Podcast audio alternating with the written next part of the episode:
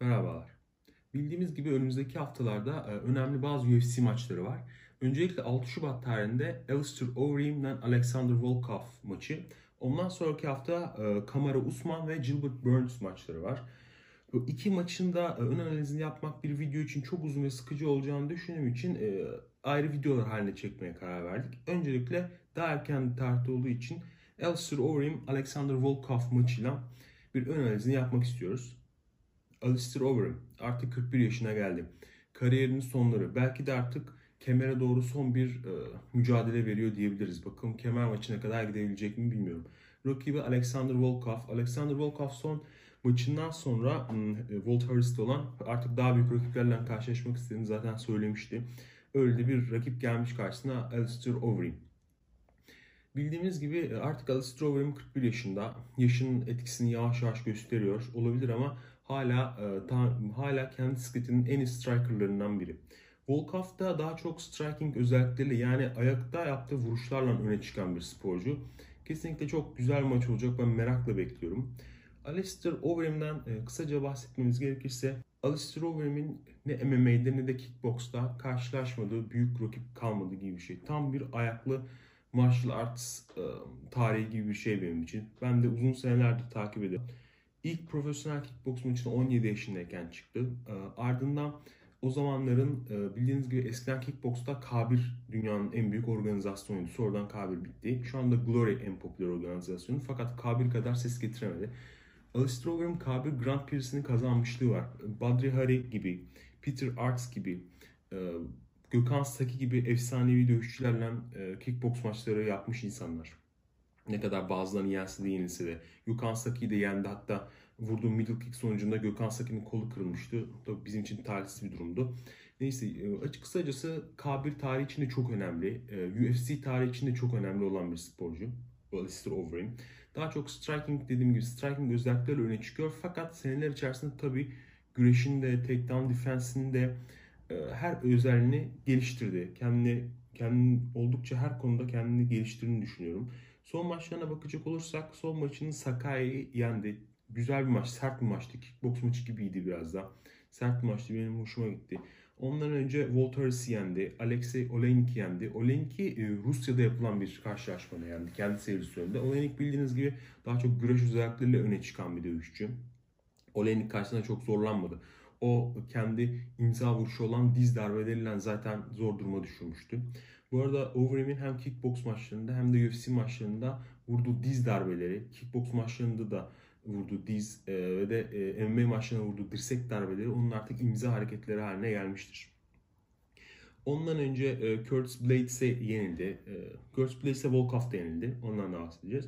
Francis Ngannou'ya yenildi. Fabricio Werdum'la dövüştü. Mark Hunt'la dövüştü. Miocic'le, Arlovski'yle, Frank Mir'le, Vitor Belfort'la, Brock Lesnar'la bile dövüşmüşlüğü var. Yani aklınıza gelebilecek bütün UFC starlarıyla Alistair Overeem'in maçı var arkadaşlar. Ee, ve şunu eklemek istiyorum. Brock Lesnar'la belki 10 sene olmuştur. Belki daha fazla. Yaptığı maç efsane bir maçtı. Brock Lesnar o zaman çok iri yarı, çok zaten e, WWE'den galiba Amerikan güreşinden gelmeydi. Ve çok iri bir dövüşçüydü. Ben de çok açıkçası sevmedim Brock Lesnar'ı. Alistair Overeem onu yine e, o imza olan diz hareketleriyle zor duruma düşürdü ve e, knockout etti. Bu maçtan sonra da birkaç e, şey olayına karıştı. E, doping olayına karıştı. Fakat Alistair Overeem e, her zaman e, hani e, bu sporun içinde olan, devam etmek isteyen klas bir dövüşçüydü. Ben de çok seviyorum. Ee, Alexander Volkov'a karşı açıkçası e, tam olarak bir striking maçı gibi olmayacağını düşünüyorum. Ee, Volkov da çünkü e, daha genç. 9 yaş, 8 yaş daha genç. 32 yaşının civarında olması lazım Alexander Volkov'un.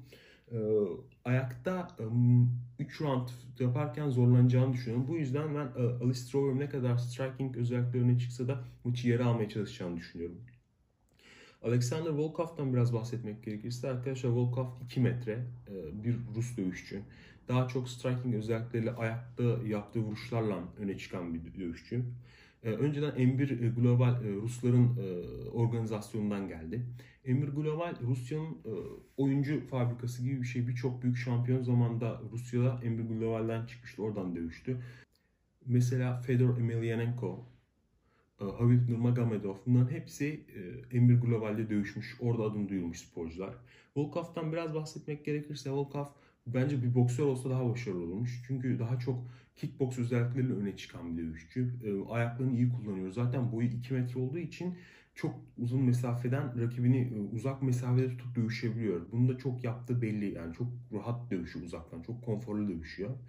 Fakat tekme atarken boyundan kaynaklı muhtemelen biraz balansı dengesi bozuluyor. Mesela hatırlarsın de, e, Lewis maçında da Derek Lewis maçında da attığı bir front kick yani ön tekmeden sonra rakibine biraz yakın bir pozisyonda vurdu front kickte ellerini yukarıdan yukarıda tutmadığı için aldığı bir kontra darbeyle çok rahat fersah fersah önüne götürdüğü maçta knockout oldu son dakikalarında maçın.